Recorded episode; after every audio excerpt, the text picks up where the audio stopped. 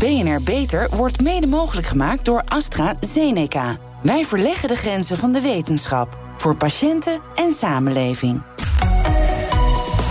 BNR Nieuwsradio. Beter. Harmke Pijpers. Robots die ondersteuning bieden in de zorg voor kwetsbare mensen. Het is al lang geen science fiction meer. Met het tekorten aan personeel in de zorg en de almaar toenemende vergrijzing lijkt het een uitkomst. Maar is het allemaal wel zo ideaal? Want hoe zit het bijvoorbeeld met menselijke factoren als empathie en sociale intelligentie? Daarover praat ik met Maartje Klaassen, directeur van Sara Robotics, en met Joel Bax, zorgontwikkelaar bij Profila Zorggroep, waar gebruik wordt gemaakt van de zorgrobot. Joel, hoe lang maakt Profila al gebruik van deze zorgrobot? Uh, nou, wij als de, wij de Profila Zorggroep gebruiken uh, Sarah al uh, ongeveer een, een, half jaar. Ja, en, en is het vooral ingegeven door gebrek aan personeel? Vroeg ze vals? Nee, Nee, absoluut niet. Kijk, uh, wij vinden het belangrijk dat kwaliteit van zorg uh, voorop staat. En wij kijken altijd uh, hoe, kan, hoe, hoe, hoe, kunnen wij ook zorg op een slimmere wijze organiseren. En daar zien wij ook bijvoorbeeld dat sociale robotica daar een toegevoegde waarde in kan bieden. Ja, want waarvoor wordt de zorgrobot zoal ingezet? Gaat het vooral om taken waar het personeel niet aan toe komt? Nee, ik, ik denk dat het vooral taken zijn waar we zien dat de cliënt daar ondersteuning bij uh, nodig heeft. En de ervaringen kijken we daarvan, uh, nou, wat, wat zien we dat de medewerkers uh, nodig hebben. En die vertalen we naar waar, Sarah, waar we Sarah kunnen, kunnen inzetten. Ja. Het is een, een klein voorbeeld, zou je kunnen zeggen van hey, we, we, vinden bijvoorbeeld heel fijn dat Sarah een gastvrouw kan zijn. Als, als de inloop er is voor de, voor de dagbesteding. Maar ook voor spel en beweging zien we dat, dat, dat Sarah echt van toegevoegde waarde kan zijn. Ja, we zo over verder. Want Maartje, wie bedenken en maken deze robot? Ja, dat zijn wij bij Sarah Robotics op de Hightech Campus in Eindhoven. Ja. Daar, uh, daar uh, bedenken en maken wij de robot. Maar wij doen dat uh, eigenlijk samen met zorginstellingen. Dus eigenlijk vanaf het moment dat het plan ontstond om hier iets mee te gaan doen, zijn we direct met zorginstellingen gaan samenwerken. Dus wij voelen ook dat zowel hè, Profiele Zorggroep, maar ook andere zorginstellingen gewoon onderdeel van ons team zijn om samen de, die robot te ontwikkelen. Ja, lijkt me verstandig. Joël, niet elke bewoner krijgt, neem ik aan, een robot. Hè? Hoe wordt er beslist wie er krijgt en vooral wie niet en wanneer en zo? Nou, belangrijk is dat we altijd uitgaan wat heeft de cliënt nodig. En die vertalen op het moment dat we die ondersteuningsbehoefte helder hebben, vertalen wij dat ook naar uh, hoe zou bijvoorbeeld uh, uh, een SARA daar een onderdeel van kunnen zijn. Ja, een onderdeel. Want ik wou zeggen, wat heeft de cliënt nodig? Een robot. Dat, dat kan je verzinnen. Maar noem eens situaties. Nou, ik, ik denk uh, bijvoorbeeld, uh, uh, we hebben een aantal interviews gedaan ook op, op de groep. bij een locatie, de Keienburg, bij de profiele zorggroep, hebben we cliënten geïnterviewd van hey, waar zien jullie nou, waar lopen jullie nou tegenaan? Mm -hmm. Wat, waar, waar hebben jullie nou ondersteuning bij nodig? En toen bleek ook te zijn dat onze cliënten graag, graag meer sociale activiteiten willen hebben met, met hun medebewoners. En uh, vandaar dat hebben gekeken, hé, maar sociale activiteit. Nou, uh, zou bijvoorbeeld Sarah daarbij uh, kunnen ondersteunen. Bijvoorbeeld met groepsbewegingen samen doen, een stukje bewegingstherapie. En dat is leuk, want dan kan bijvoorbeeld Sarah een, een, programma aanbieden aan die cliënten, waardoor ze dus samen kunnen bewegen, samen activiteiten kunnen, kunnen ondernemen. Ja, Maartje, vertel, wat, wat kan de robot allemaal?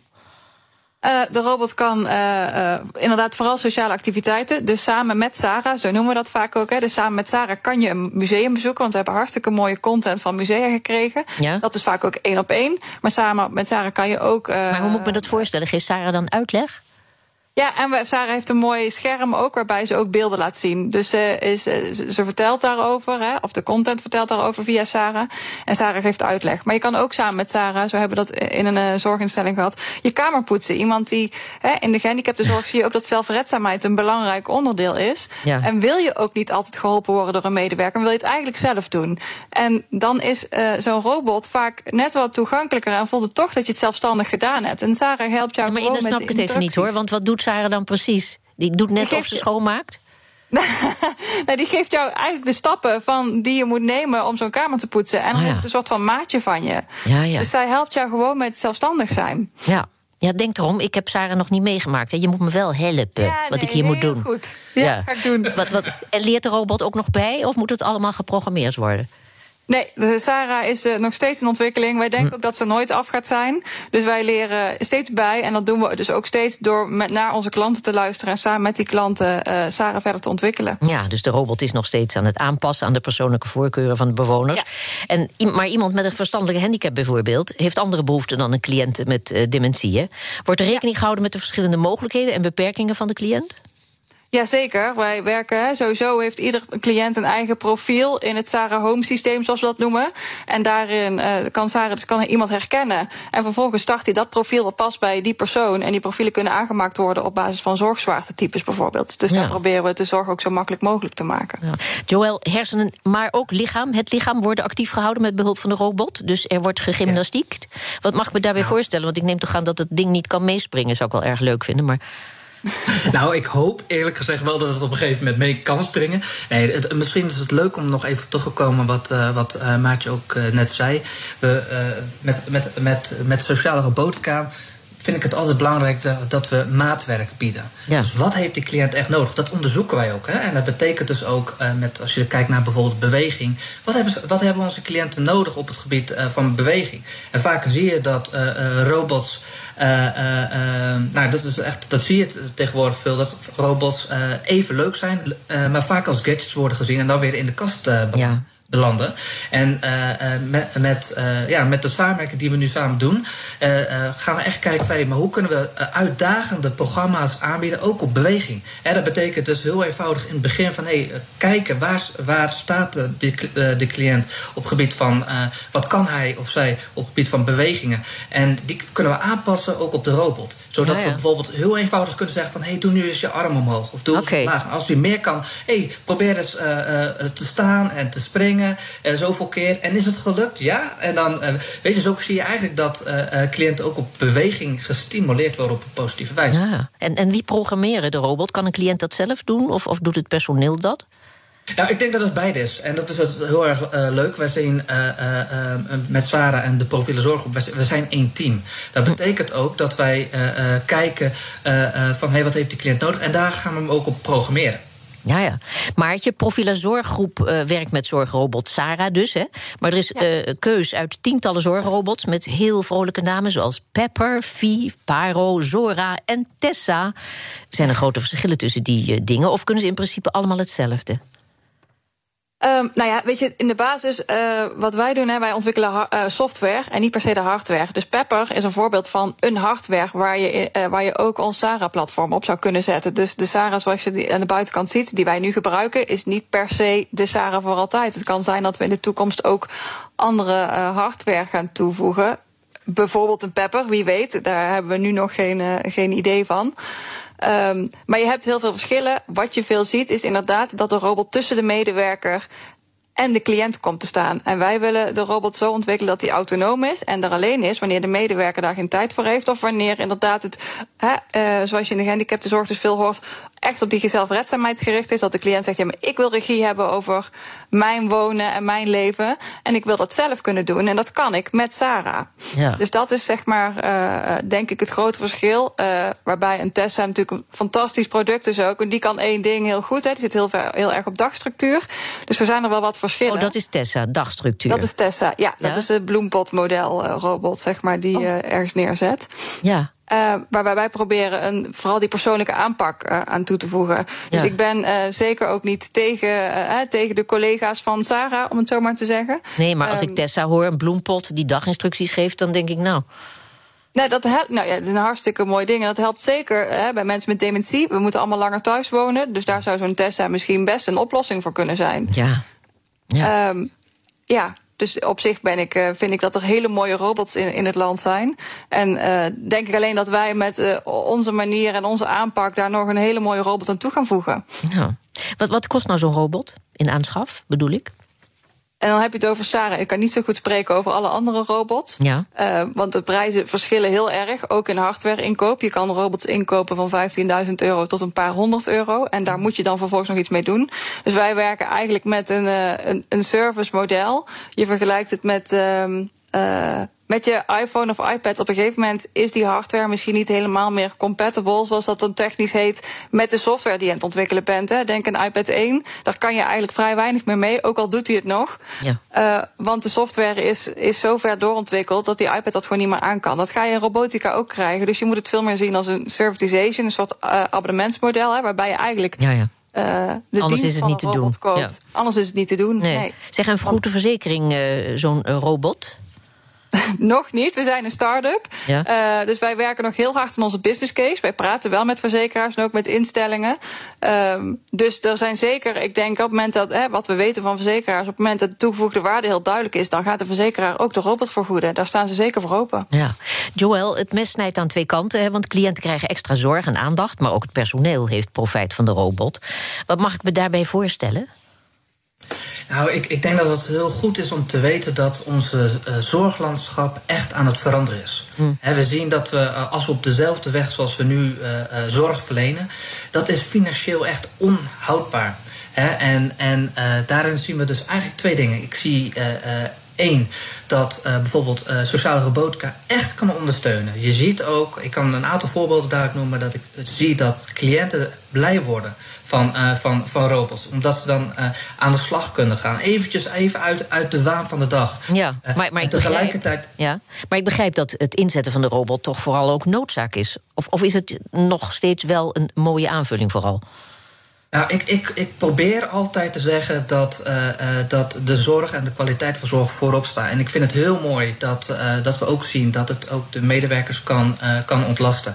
Want dat zie je eigenlijk ook dat bijvoorbeeld hè, dat we so sociale robot zetten we in in de groep. En je ziet dat het ook wat doet met de begeleiders. In plaats van twee kunnen we met één begeleider al een hele leuke activiteit, een activerende activiteit organiseren. Ja, maar als een bewoner nou uh, boos is of onrustig, hè, dat komt voor... dan lijkt het me dat uh, die het meest gebaat is bij een mens, een verzorgende... die helpt en kalmeert en een arm om de bewoner heen slaat... en wat allemaal nog meer. Of kan de robot in dat opzicht ook iets betekenen? Ik, ik, kan niet uitsluiten dat het in de toekomst uh, zeker ook hierin wat kan betekenen. Ja, want hij kan nu en nog ik... geen emoties en gezichtsuitdrukkingen herkennen, bijvoorbeeld? nee, op dit moment nog niet. Uh, maar wat het wel kan aanbieden is dat uh, wij hebben bijvoorbeeld ook een aantal cliënten die geven aan dat ze soms onrust ervaren. Ja. En die merken dan van hé, hey, uh, als iemand mij een verhaal vertelt, kan mij dat ook een stukje rust, rust geven. En dat kan Sarah. Sarah kan echt een mooi verhaal vertellen, een, een interessant verhaal vertellen passend bij hun behoeftes. En dat kan wel weer uh, rustgevend zijn. Ja, maar ja, het gaat uh, veel om oudere cliënt, cliënten, hè, de generatie die nog gewend is om naar elkaar om te zien, althans het mogen we hopen. Willen ze wel zo'n stuk technologie aan hun bed? Nou, het uh, verrassende is dat uh, onze cliënten dat zijn niet alleen, alleen uh, de ouder wordende cliënten. We zien ook steeds dat, er, dat, dat ook wat jongere cliënten er zijn. Maar je, je, je, ziet eigenlijk dat ze verrassend erg leuk vinden. Oh. Ze denken van hé. Hey, uh, wat, wat, wie ben jij? En uh, een hele leuke anekdote. Ik weet nog goed dat ik toen uh, de robot Sarah dan bracht in, in de groep bij een wat oudere cliënt. En die zei: wie, wie bent u? En hij zei: Ik ben Sarah. En, en wat kan je allemaal? En toen kwam er bijvoorbeeld een verhaal of een stukje planning. En toen zei hij ineens van. Nee, maar u, uh, uh, Sarah, u ligt. Ik, ik, ik ga mijn begeleider vragen of er ook een leugendetector op komt. ik moest daar zo op lachen, omdat ik zag dat de, de cliënten het leuk vonden, maar tegelijkertijd ook al de interactie zochten. Harmke Pijpers. De inzet van zorgrobots lijkt een mooie oplossing voor het tekort aan personeel in de zorg. Maar hoe zit het met de menselijke factor? Kan een robot ook emoties herkennen en sympathie en empathie tonen? En wie is er bijvoorbeeld verantwoordelijk als de zorgrobot een fout maakt? Daarover praat ik met Maartje Klaassen, directeur van Sarah Robotics, en met Joel Baks, zorgontwikkelaar van Profila Zorggroep. Ja, Joel. Uh, het is wel even slikken, lijkt me, als een machine jouw taken overneemt. Hoe hebben de medewerkers de komst van de zorgrobot ervaren?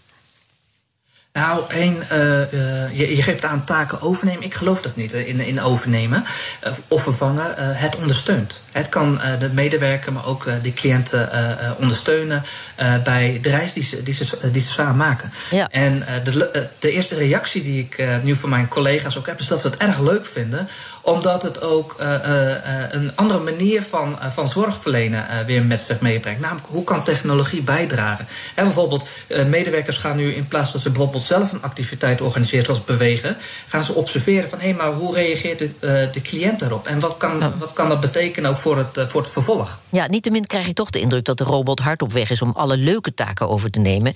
Ik noem zingen, bewegen, spelletjes doen, verhalen vertellen. En dat er voor de verzorgende vooral de praktische taken overblijven: hè, bedden opmaken enzovoort. Is het werk voor de verzorgende nog wel leuk en uitdagend genoeg als de nieuwigheid eraf is, bijvoorbeeld? Nou, een hele leuke stelling. Ik denk uh, dat uh, uh, in ieder geval bij, bij de Profila Zorggroep zijn onze collega's die het echte werk doen in de lead. Dus zij kijken ook van hé, maar waar kan ik een sociale robot inzetten en waar niet? Waar geeft het echt toegevoegde waarde aan, aan die cliënt? En daar heeft de cliënt en de verwant ook een hele belangrijke aandeel. Samen kijken waar zou Sarah het werk leuk kunnen maken, maar ook de begeleiding. Ja. En Maartje, is de robot ook zo in te stellen dat hij in bepaalde situaties, mocht het nodig zijn, alarm slaat?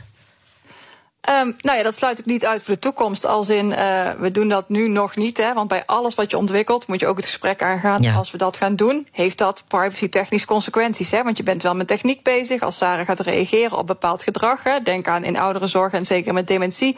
Komen veel roepgedrag terecht, veel onrust. Veel dezelfde vragen, iedere keer weer. Hè. Dus uh, dit is wel het leuke werk voor, voor medewerkers waar het net aan refereerde. Maar soms ook, hè, waar je heel veel geduld voor moet hebben. om iedere keer weer te zeggen dat er al gegeten is. Of nou ja, welke vraag ze ook uh, blijven herhalen. Mm um, dus Sarah zou zeker in de toekomst alarm kunnen slaan. Zoals ik al zei, wat, wat ik, waar, waar we al eerder refereerden, alles heeft consequenties. Hè?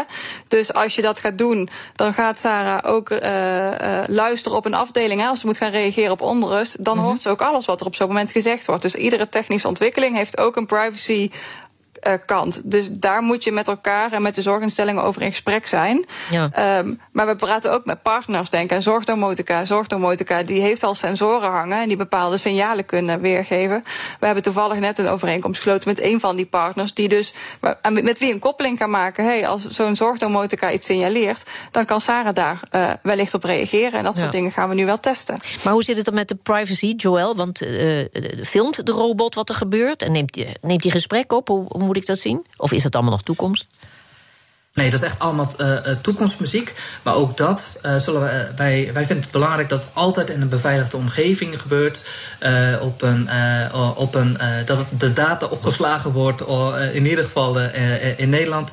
En daarin altijd toestemming altijd ontvangen van de verwant, al dan niet de medewerker als zij, of de cliënt als die daarin toe in staat is. Ja, en er is natuurlijk ook al besproken wat er dan met gegevens die dan ontstaan, wat daarmee moet gebeuren. Of ze moeten worden bewaard. Nee, wij werken sowieso natuurlijk altijd met overeenkomsten. En die houden wij ook bij. Hè. Wij houden ons aan alle richtlijnen daarin. En ik denk voor iedere technologieontwikkelaar het allerbelangrijkste is, is dat je de consequenties van de vraag uh, uitlegt. Zeg maar. Dat je daarover met elkaar in gesprek gaat. En dan ook dus de medewerker daarin de regie geeft. Dus hè, we hadden het over, vinden medewerkers het nog wel leuk? Medewerkers vinden het ja heel leuk. Ze hebben soms bij robotica ook het idee dat het hun gaat vervangen. Hè? Nou, dat moeten we meteen uit de wereld helpen. Gaat het never nooit doen. Dat is ook echt nooit, in ieder geval ons doel niet van de robot. Het kan wel een verlengstuk van je zijn. Om je werk gewoon inderdaad soms wat makkelijker te kunnen doen. Maar je moet dus ook de medewerkers die zeggen wel eens... oh, het zou fijn zijn als Sarah zelf kan rondrijden. Of inderdaad, het zou heel fijn zijn, want die vrouw die vraagt... honderd keer hetzelfde op een dag en ik heb af en toe het geduld niet. Dat Sarah dat gaat doen, dan zeggen we, ja, dat, kun, dat kan het. Technisch is er heel veel mogelijk. Maar dat betekent dat Sarah gaat luisteren op ja. zo'n woongroep woongroep. Maar dat betekent ook dat ze alles hoort op zo'n woongroep. En dat moet je dus wel, een medewerker moet dus de regie hebben. Wanneer wil ik dat Sarah dat doet en wanneer ja. wil ik dat niet? Dat je er heel bewust van bent. Ja, het klinkt allemaal heel logisch met alle tekorten in de zorg en de toenemende vergrijzing. Kunnen we niet om de robotisering heen, lijkt het, maar gaat het ten koste van menselijk contact? Joël, blijft de kwaliteit van de zorg hetzelfde? Of moeten we toch noodgedwongen met andere normen genoegen gaan nemen? Ik, ik denk dat, uh, dat uh, door middel van sociale robotica. Uh, je ziet ook een aantal onderzoeken, zie je dat ook naar voren komen. Dat, dat cliënten juist door de voorspelbaarheid van de robot zich ook veiliger voelen omdat ze ook weten van hé, hey, ik weet dat een, bij een robot dat ik, daar, uh, dat ik daarmee kan praten. En je ziet ook dat ze vaak ook opener zijn hè, naar een robot. En dat kan ook weer helpen in, in, juist in, in, in de begeleiding. Dus mijn stelling zou eigenlijk zijn juist dat als je het hebt over communicatie, dat sociale robotica juist daarbij ontzettend kan ondersteunen. Ah ja. Maar critici menen dat een robot de bewoners niet autonomer maakt, maar de autonomie juist aantast door allerlei instructies te geven, zoals uh, neem je medicijnen of tegen iemand met diabetes neem geen koekje. Nou zeg, wat als de bewoner dat weigert? Nee, ik, ik, ik denk dat je, als je het hebt over. Uh, uh, uh, ik deel deze stelling deels, omdat ik ook denk dat als je het hebt over autonomie, dan doe je een appel op wat kan de cliënt zelf. En als je, als je kijkt naar sociale robotica, zie je dat de interventies die we uitzetten altijd stimuleert mee. Maar wat kan jij, kan jij zelf? Hè? En waarin kunnen wij daarin. ondersteunen. Hoe zie je de toekomst voor je? Heeft elke bewoner straks een robothuisdier of een mensachtige robot in zijn woning? Ja, ik kan, ik kan niet heel goed de toekomst voorspellen, maar ik, ik kan wel uh, voorspellen dat ik denk dat, uh, dat uh, robots een hele belangrijke rol gaan spelen in, in, in de zorg. Omdat het kan zo ontzettend veel, kan de medewerker, maar de cliënt zo ontzettend helpen. Je kan denken over het creëren van overzicht, dag, dagstructuur uh, op gebied van uh, medicatie. Uh, je ziet dat er zoveel interventies mogelijk zijn op gebied van activering, het vergroten van zelfredzaamheid. Hè? Bijvoorbeeld kookprogramma's, samen koken, samen nadenken van hé, hey, hoe ziet mijn dag eruit? er is zoveel mogelijk dat ik, en ook als je kijkt naar waar we nu staan. De, ik, als je nu kijkt naar de laatste cijfers, naar verwachting dat we in Nederland toch maar ongeveer 300 sociale robots inzetten. Ja. Als je dat dan zet uh, tegen, tegen Japan, dat er al 300, uh, meer dan 300.000 sociale robots wordt ingezet. We hebben nog wel een, een, denk ik, al een natuurlijke slag te slaan. Ja, maar we kijken ook tot nu toe met nodige achterdocht hè, naar Japan. Dat geknuffel met die dingen, toch? ja, zeker. Ja, ik blijf heel voorzichtig. Maar hartelijk dank. En ik ben benieuwd. Dank je, Maart, Maartje Klaassen en Joël Baks. Ja, en wilt u meer weten over de zorgrobot? Kijk dan op www.bnr.nl/slash beter. Zorgvernieuwers. Er zijn volop ontwikkelingen in de zorg. Nieuwe medicijnen, technieken en behandelmethoden maken het leven van de patiënt beter en het werk van de specialist makkelijker. Wat zijn de laatste innovaties? Iedereen die wel eens onder narcose is geweest, zal het herkennen. Je wordt wakker en bleh, kotsmisselijk. Arnoud Teunen, anesthesist in het Jeroen Bos ziekenhuis, heeft daar nu een oplossing voor. Wat fijn. Ja, Arnoud, hoe kan het dat zoveel mensen zich zo hondsberoerd voelen als ze uit de narcose ontwaken? Dat is uh, omdat uh, het braakcentrum eigenlijk gestimuleerd wordt door de pijnstillers. Oh, ja. Maar vaak krijgen patiënten daar dan achteraf een middeltje voor. Hè? Maar er is dus nu een middel, heb ik begrepen, om te voorkomen dat ze misselijk worden. Vertel. Ja, er zijn verschillende manieren om uh, te voor, proberen te voorkomen dat patiënten misselijk worden. En dat is toevoegingen aan de narcose. Maar wat wij nu gedaan hebben, is een, een middel eruit te laten. Oh, en welk middel is dat? De sterke pijnstillers, de opioïden. Ja. Die gaan we eruit laten. Die stimuleren het braakcentrum. Is deze vorm van narcose nu voor elke patiënt bruikbaar? Uh, in principe wel, voor vrijwel elke patiënt. Net, zoals bij alles zijn er een paar contra-indicaties, maar die zijn heel goed uh, te identificeren voor de operatie. Ja. Dus bepaalde hartritmestoornissen en uh, en, en, patiënten die echt van een, van een groot trauma van de straat geraapt worden, daar is het niet geschikt voor. Voor de rest kun je het in principe bij iedere operatie toepassen. Dat is goed nieuws. Hartelijk dank, Arnoud Teunen. En meer informatie over deze vorm van narcose zonder spugen vind je op www.bnr.nl/slash beter. En tot zover deze uitzending van BNR Beter. Op bnr.nl/slash beter is deze uitzending terug te luisteren of on demand via de BNR-app en op uw favoriete podcast. We zijn ook op Twitter te vinden onder BNR Beter. Heeft u tips voor ons? Laat het ons weten. Ik ben Armke Pijpers. Graag tot een volgend spreek. BNR Beter wordt mede mogelijk gemaakt door AstraZeneca. Wij verleggen de grenzen van de wetenschap. Voor patiënten en samenleving.